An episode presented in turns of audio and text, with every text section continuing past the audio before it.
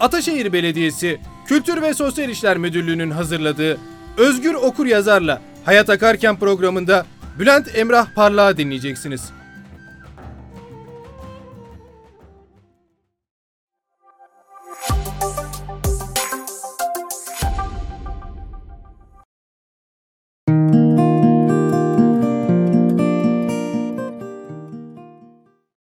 Bülent Bey hoş geldiniz. Nasılsınız? Hoş bulduk. Sağ olun siz. Ben deyim. Çok teşekkürler. Koronavirüsten dolayı çok sevimsiz günler geçiriyoruz. Evet. Siz kendinizi nasıl hissediyorsunuz? Valla ben de herkes gibi, hepimiz gibi berbat hissediyorum. Yaklaşık bir sene olmak üzere koronavirüs hayatı mahvetti. Yani yeniden her şeyi programlayıp başka bir sistemde yaşamak zorunda kalıyoruz. Bu da bayağı zorluklar getiriyor. Siz neler yaptınız bu süreçte? Pandemi döneminde oyunlarınız durdu. Evet. Ee, Ben bu süreçte e, koronavirüs nasıl bana engel oluyor, yaşama nasıl engel oluyor, ben de bununla nasıl mücadele edebilirim diye vaktimi bunlara harcadım. Ee, yazın tabii birazcık daha bizim işlerimizin aslında normalde de tatile girdiği dönemler ama e, sinema filmleri olur biliyorsunuz. Hı hı. Ee, işte olursa diziler olur. Onlarla ilgili neler yapacağımızla ilgili programlar yapmaya çalıştık ama işte fena değil diyelim. Bu sene birazcık sıkıntılı. Yeni bir kitabınız çıkıyor önümüzdeki ay. Ondan biraz bahsetmek ister misiniz? Ne türü ne olacak? Ee, daha öncesinde de ben böyle e, öyküler yazıyordum. Yazılmış e, bilgisayarımda duran öykülerim vardı. Çok sevdiğim bir abim, yeni tanıştım. Ee, kendisi de Doğan Kitap'ta çalışıyor. Tanrı Yaşar. Hmm, Bana acaba bir kitap yapar mısın? Böyle bir şey düşünür müsün diye bir teklifte bulunmuştu. Açıkçası bilmiyorum demiştim ona. Bilmiyordum da. Ee, ileride belki düşünürüm diye e, ona böyle şeyler söylemiştim. Sonrasında Adalet Çavdar benim editörüm. Onunla biz tanıştık bir şekilde. Adalet beni cesaretlendirdi bu konuyla ilgili. Ve e, ben de bir bu özellikle pandemi süreci de birazcık bu anlamda bana tek faydası olan e, şey bu oldu pandemiyle ilgili. Eve kapandım ve yaklaşık 3-4 aylık bir süreç içerisinde e, eskiden yazdıklarımı toparladım. Yeni yazacağım öyküler vardı, onları yazdım. Ve böyle bir kitap çıktı. İsmi Kertenkele Savunması. E, isminin e, kitap içerisindeki veya kitapla ilgili anlamını da okuyucuya bırakalım. Okudukları zaman orada göreceklerdir. Çocukluğunuzda kitaplara e, ulaşmanız zor muydu? Satın alması. Kütüphaneli bir evde mi doğdunuz mesela? Ee, yani öyle ağırlıklı bir kütüphanesi olan bir evde doğmadım ama annem babam okuyan insanlardı. E, vardı yani hani onların kendi çapında e, tatlı bir kütüphaneleri. O- onlarla evet büyüdüm İlk okuduğun ya da ilk satın aldığın kitabı hatırlıyor musun? İlk satın aldığım kitabı hatırlıyorum. Ö- e, öğretmenimiz ödev vermişti. İpek Ongun'un bir kitabıydı ama ismini hatırlayamıyorum çünkü bütün kitaplarını okumuştuk. Onun kitabıydı hatırlıyorum şu anda. Yazarını hatırlayabiliyorum. İpek Ongun. Hı hı. Evet. Peki ne zaman ilk okumaya başlamıştın? Valla yani e, açıkçası benim okumayla ilgili ilişkim ansiklopedi okumayı çok severdim ben. Ansiklopedilerle başladı. Gazetelerin kuponlarla vermiş olduğu ansiklopedileri çok karıştırmayı severdim. Sokakta e, oynadığım oyunlardan vakit bulduğum süreci onlarla evde e, hemhal olurdum. Hmm, Öyle başladı diyebilirim. Bu da sanıyorum yani tabii ki e, çocukken okuduğumuz çocuk kitapları haricinde 8-9 yaş diyebiliriz. Kitap okurken not tutar mısın? Evet tutarım. Yani daha çok şimdi e, eskiden daha çok not üzerinden gidiyorduk ama şimdi fosforlu kalemle çizip onları notlayarak e, daha sonra oraya tekrar dönüp başucu kitaplarım vardır mesela. Onu soracağım. Birkaç kez okuduğun kitaplar var mı? Var evet. Dünya Hangileri? klasiklerinden birkaç kez okuduğum kitaplar var.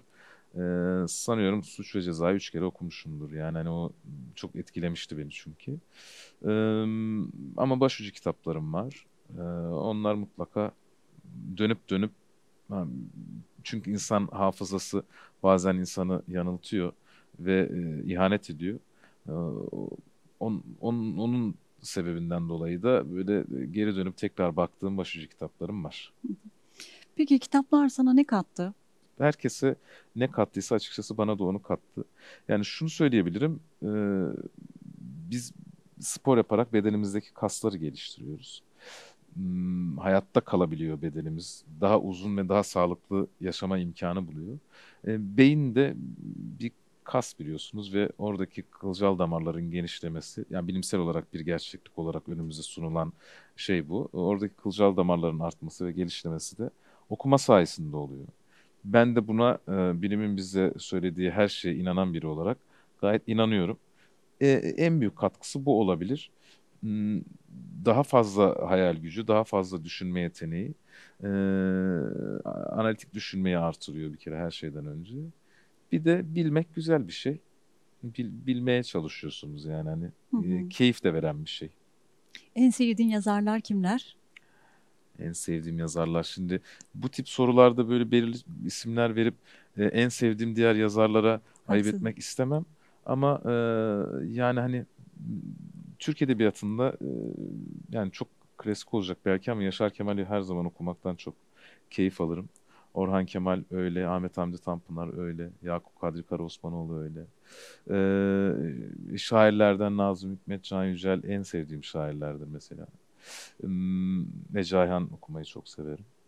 Ee, ama benim yazmaya, kendimi yazmaya e, teşvik ettiğim, beni benim bu konudaki hayal gücümü geliştiren yazar Ferhan Şensoy. Ee, çocukluğumdan beri e, Ferhan Şensoy'u hem sahnede takip ederim hem de e, bütün kitaplarını okudum. Yazarlığını takip ederim. Ben tiyatroya da Ferhan abi sayesinde diyebilirim başladım. Hmm, yaklaşık ya 19 ya da 20 yaşındaydım. Onun tiyatrosuna gidip bir gün oyununu izledikten sonra ben tiyatrocu olmak istiyorum. Ne yapmam gerekir diye cesaretimi toplayıp sorduğumda birçok yerden olumsuz cevap alırken Ferhan abi bana bir yol gösterdi. O yol birkaç yol gösterdi. O birkaç yoldan birisi de e, konservatuvara girmekti. Onun sözünü dinleyip konservatuvara girdim. Konservatuvarı bitirdim. E, ve onu hayran olarak tekrar e, aynı şekilde devam ettim izlemeye hem yazılarını hem oyunlarını. E, y- yazarlıkla ilgili yani yazmayla ilgili daha doğrusu o düşünce biçimiyle e, o tarzla ilgili e, benim hep ilgimi çeken yazar Ferhan Şensoy'du. Onun e, e, yazarlığı, onun üslubu, onun biçimi ve onun mizah anlayışıydı. E, bu konuda e, örnek aldığım insan diyebilirim. Kimsenin okumayacağını bilsen bile yazar mıydın yeniden tekrar? Bilmem yani öyle e, ben e, ben şöyle yaz, e, şimdi daha yeni bir kitabım çıkıyor. Bu yazarlık parantezinde kendimi bir yerde konumlamıyorum. Ben e, oyuncuyum. Ya e, şimdi yazmaya da başladım diyelim. Hani e, yazar falan deyip koca koca büyük e, yazarlara e, haksızlık etmeyelim. E, notlar alırdım, yazardım kenarda dururdu. Birisi okur mu diye çok fazla da e, düşünmeyebilirdim yani hani o kadar. e, Oyuncu olmasaydın ne olurdun Bülent? oyuncu olmasaydım ne olurdum? Ya bunu çok düşündüm. İyi asker olacağımı söylüyorlardı askerdeki komutanlarım. Arkadaşlarım da böyle şeyler söylerler. Ama e, zannetmiyorum. Öğretmenlik çok her zaman ilgimi çekmiştir. Avukatlık çok ilgimi çekmiştir. Ama ben yine de oyuncu olmayı tercih edip onun peşinden koşardım. En son okuduğun kitap hatırlıyor musun? Evet, yeni bitirdim. Zafer Köse'nin Zülfü Livaneli ile söyleşisi vardı. Onu kitap haline getirmişler. O da bu başucu kitaplarımdan biri oldu açıkçası. Onu okudum, bitirdim. Elinde sihirli bir değnek olsaydı dünyada neyi değiştirmek isterdin?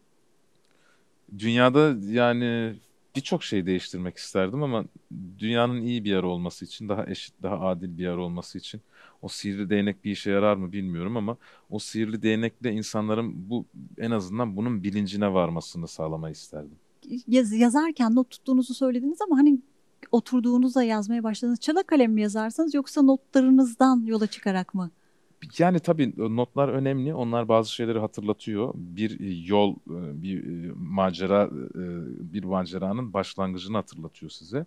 Notlarıma bakarım ama e, sanıyorum yazarken de bu kitabı yazarken de kendimle ilgili bazı tespitlerde bulundum. E, bu da benim yazmaya başlayıp e, üzerine düşündüğüm şeylere çok fazla takılmayıp o yazma e, akıntısının içinde kaybolmak benim çok hoşuma gidiyor.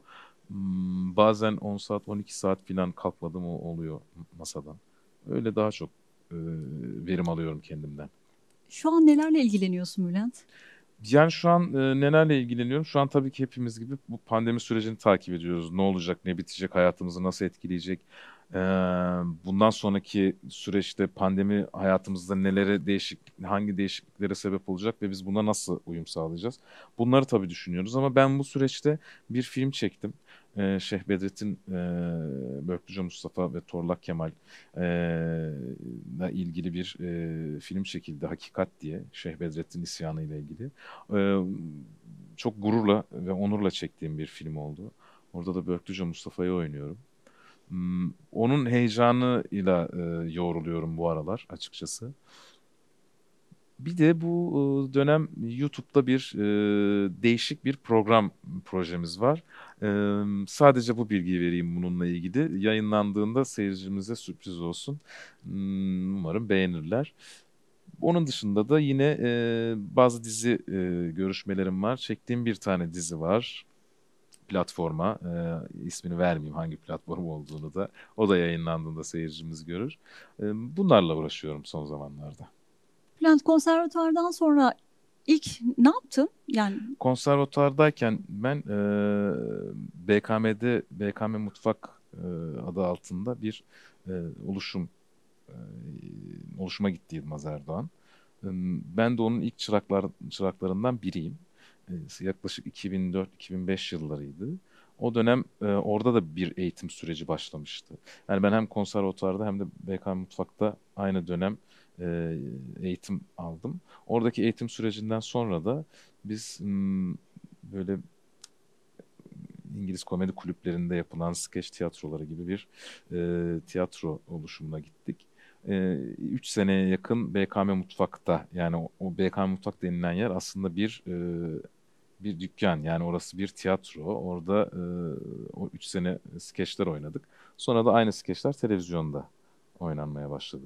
Benim konservatuarla beraber ve sonrasındaki oyunculuk serüvenim böyle gelişti.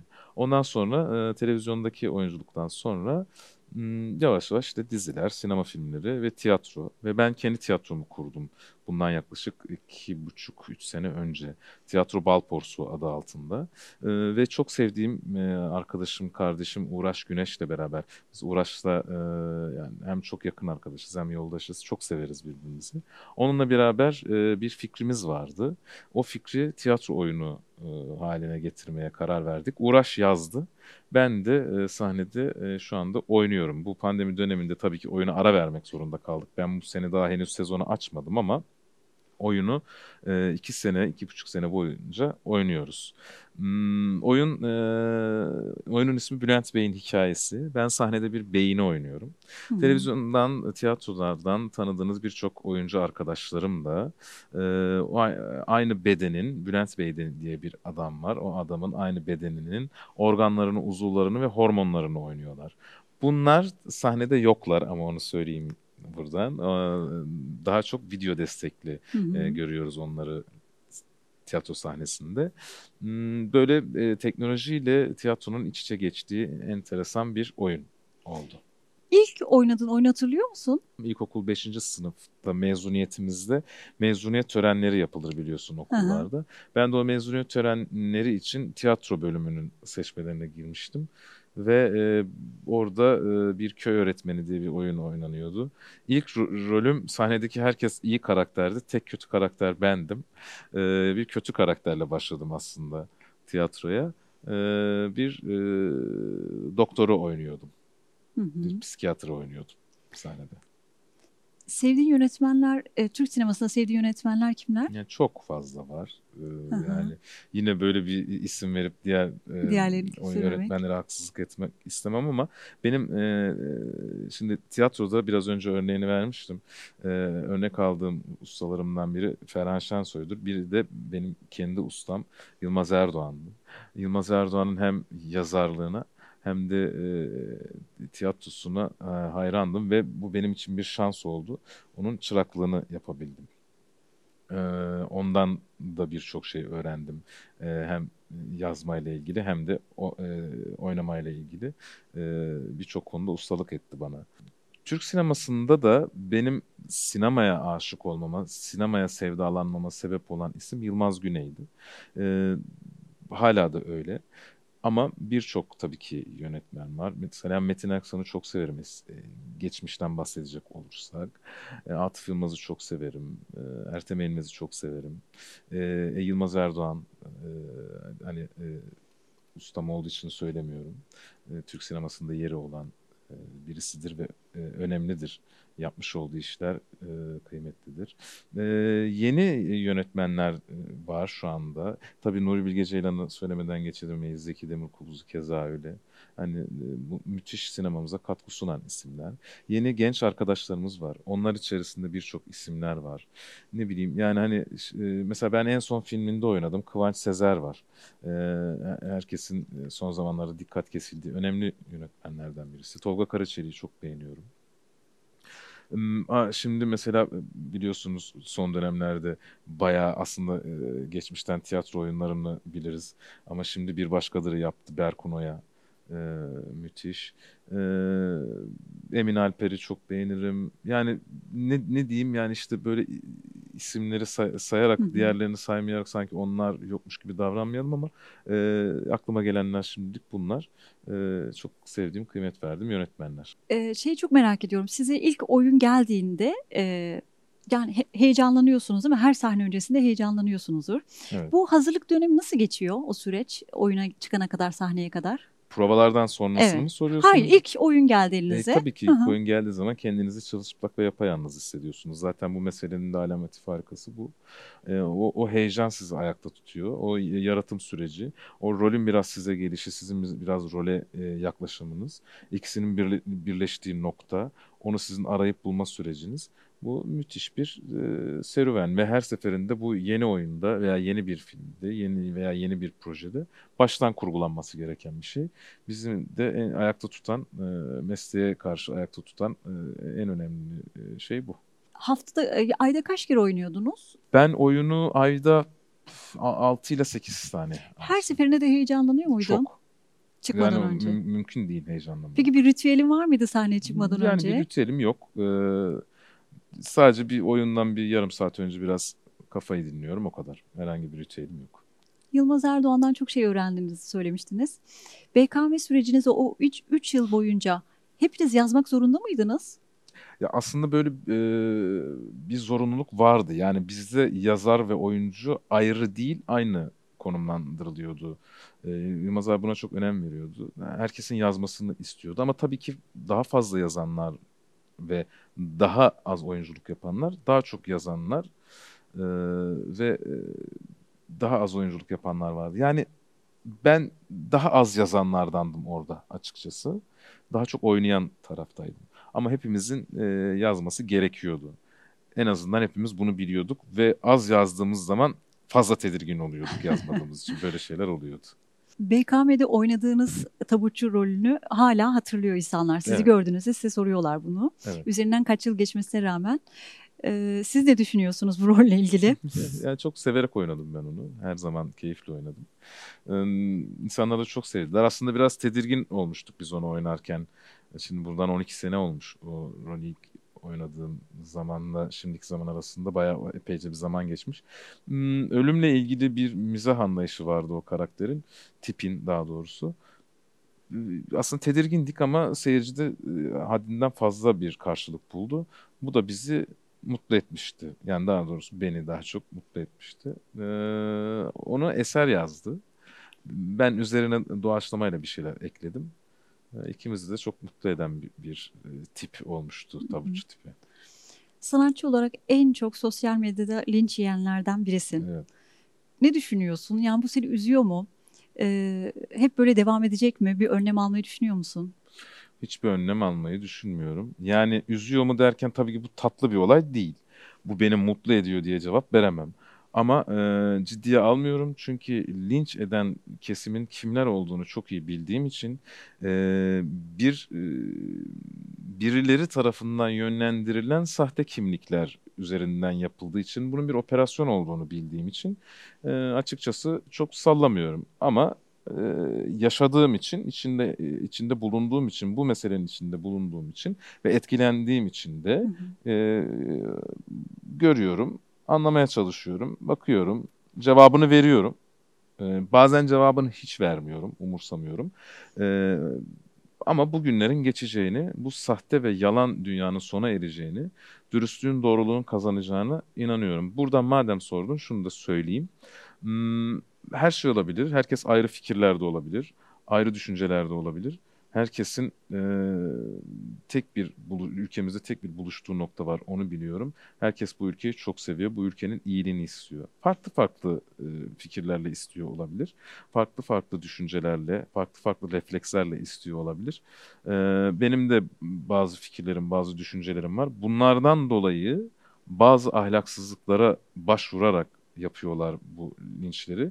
Onların yalan olduğunu, sahte olduklarını biliyorum on, bunlar da onu bilsinler.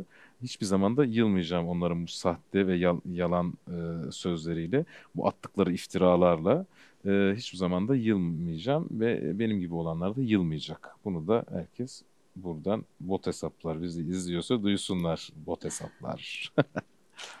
Kızın lisede olduktan sonra hayatında neler değişti? Ee, hayatımda güzel anlamda birçok şey değişti. Bir kere hayat benim için e, anlamlıydı zaten. Anlayarak yaşamaya çalışıyordum. Mizah duygusu her zaman ön, ön plandaydı benim için. Ee, bir mizah perdesini aralayarak bakmaya çalışırım her zaman hayatta. Gülmeyi, güldürmeyi çok severim.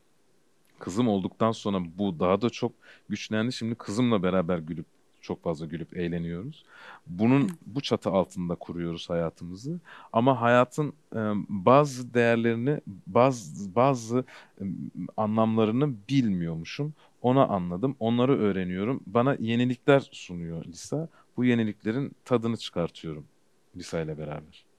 Lisa ile paylaştığım fotoğraflar da çok olay oluyor Bülent. Ama sen bunlardan vazgeçmeyeceksin yani. Çünkü yani çok Lisa ile paylaştığım eğlenceli. fotoğrafların aslında hiç olay olacak bir şey yok. Ama e, bu olayı yapanların kendisi olaylar zaten. Yani hani bunlar olay yapmak istiyorlar. Onlar birilerini tedirgin ederek, korkutarak e, bazı şeyleri değiştirmeye çalışıyorlar. Bazı şeyler e, Türkiye'nin, ülkemizin ilericiliğe adım attığı, e, ülkemizin özgürlüklerinin, serbestliklerinin elinde olduğu bazı şeyler değişmeyecek. Biz onu bırakmayacağız. Onları bırakalım istiyorlar. Biz onu bırakmayacağız. Herkese her şeyde özgürlük e, özgürlüğün olmasını istiyoruz ama e, bizim kendi özgürlük alanlarımızı elimizden almak istiyorlar. Lisa ile koyulan fotoğraflarla ilgili yapılan e, arsızlıklar, yapılan saldırılar, alçaklıklar da bu yönde e, yemezler. Onu söyleyeyim sadece. İleride seni yönetmen koltuğunda görebilir miyiz? Bilemem. Ee, bir özellikle kendi yazdığım yazdığım senaryolar var çünkü. Yazdığım filmlerden e, bir veya birkaçını çekmek isterim ama bununla ilgili her şu anda e, tecrübemin yeterli olmadığını düşünüyorum. Çok e, yetenekli ve tecrübeli yönetmen arkadaşlarım ve dostlarım var. Onlarla sürekli iletişim, iletişim halindeyim. Bir gün onların yanında bir çıraklık eder, bu işle ilgili e, daha da yetkin bir hale gelirsem e, ilk önce kendi filmlerimle e, başlamak üzere bir gün bir yönetmen koltuğunda oturmayı isterim. Ama tekrar ediyorum bununla ilgili e, bir biraz daha kendimi geliştirmem gerekir. Genç dinleyiciler için soruyorum bu soruyu. İyi bir oyuncu olmak için ne yapmaları gerekiyor? Ya da hangi yollardan geçmeleri gerekiyor? E, yollar bellidir. E, bir oyuncu olmak için ne yapılması gerek gerektiğiyle ilgili yollar bellidir. Bunu şimdi tekrar burada tekrarlamayayım. Ee, işte tiyatrolarda çalışırsınız, ee, ya alaylı ya okullu olarak bunun eğitimini alırsınız ya da e, sinema veya dizi sektöründe bir şekilde tecrübe edinmişsinizdir gibi gibi gibi gibi bir sürü bunun yolu vardır. Bunlarla ilgili e, vakit harcamayalım isterseniz hı hı. ama şunu söyleyebilirim. E, iyi bir oyuncu mu bilemem. Çünkü ben iyi oyunculuğu iyilik ve kötülük çerçevesinden değerlendirmiyorum. Bir oyuncu olabilmek için çok çalışmak gerekir. Her meslekte olduğu gibi oyunculukta da çok çalışmak gerekir. Sadece e, bunu e, salık veririm oyuncu Hı-hı. olmak isteyen arkadaşlara. Kendi rolünden önce çok gözlem yapar mısın? Zaten me- bu mesleğin e, başat Olmaz. özelliklerinden birisidir gözlem yapmak. E, en önemli şeylerden biridir tabii ki. çok fazla şekilde yapmak gerekir zaten. Yaparım ben de. Rolüne hazırlanırken e, izole eder misin kendini insanlardan? Yok ben öyle şeyler yapmıyorum, izole etmiyorum ama çalışıyorum. Yani hani kendimce de çalışma alanlarım var, biçimlerim var. Onları deniyorum ama bunlar wow ne kadar enteresan, deli mi bu adam, neler yapıyor gibi şeyler değil. Ustalarımızdan, hocalarımızdan öğrendiğimiz, kendi kendimize geliştirdiğimiz bazı çalışma teknikleridir. İşte bunlarla ilgili kendimizde vakit harcıyoruz. Eğitmenlik yapmayı düşünüyor musun? Efendim? Eğitmenlik yapmayı düşünüyor musun? Eğit, bil, bilemem. E, eğitmenlik yapabilir miyim onu da bilemem. E, ama e, insan yaş aldıkça, tecrübe edindikçe belirli birikimlere sahip oluyor. Bu belirli birikimleri de e, bazen geliyor e, bunu almak isteyen, öğrenmek isteyen insanlarla koşullarda uygun olduğu zaman paylaşıyor. Benim şu anda böyle bir paylaşma alanım, teklifler oldu. Benim yoğunluğumdan e, veya daha yapmak istemediğimden dolayı hayata geçmedi. İleride olur mu bilemem. Yine bu konuyla ilgili e, eğer bir gün yapacak olursam biraz çalışmam gerekir. Çalışırsam yapabilirim. Kendi tiyatronu kurduğunda karşılaştığın zorluklar nelerdi?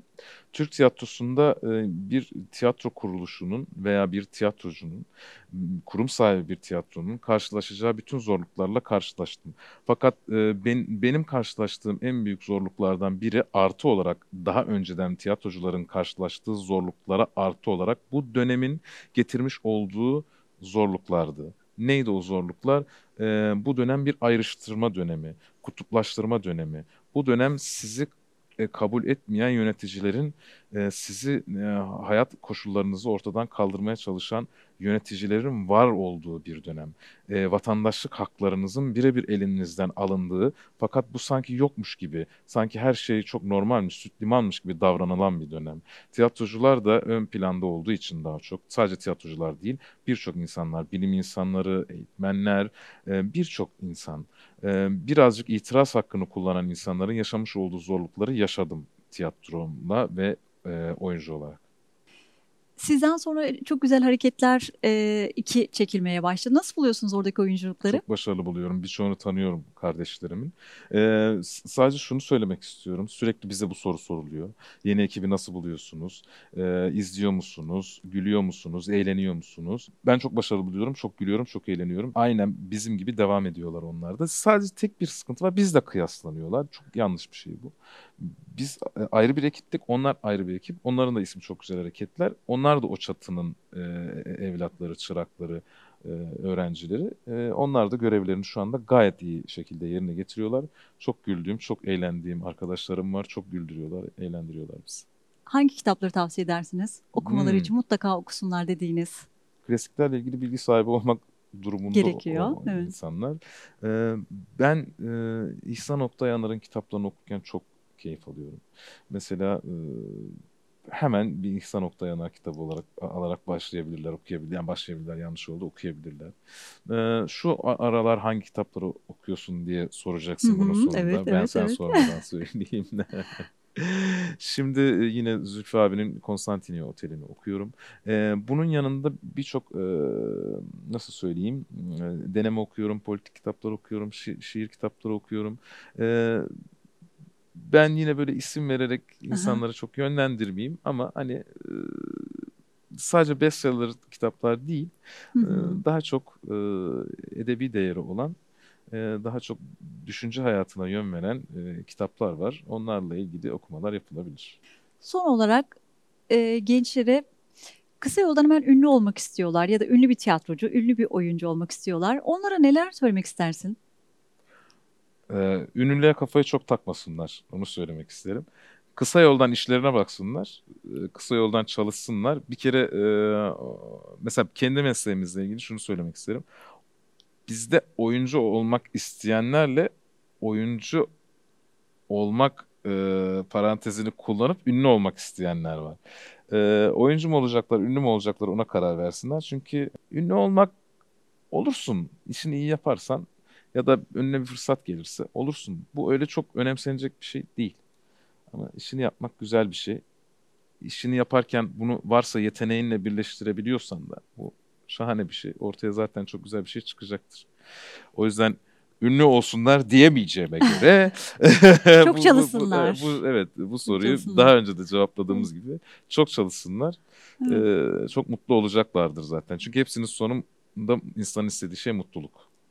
Bülent geldiğin için çok teşekkür ederim. Ben teşekkür Onur ederim. verdin. Estağfurullah sağ olun. Siz çağırdığınız için ben teşekkür ederim. Özgür Okur yazarla Hayat Akarken programında Bülent Emrah Parlağı dinlediniz. Sevgiyle kalın.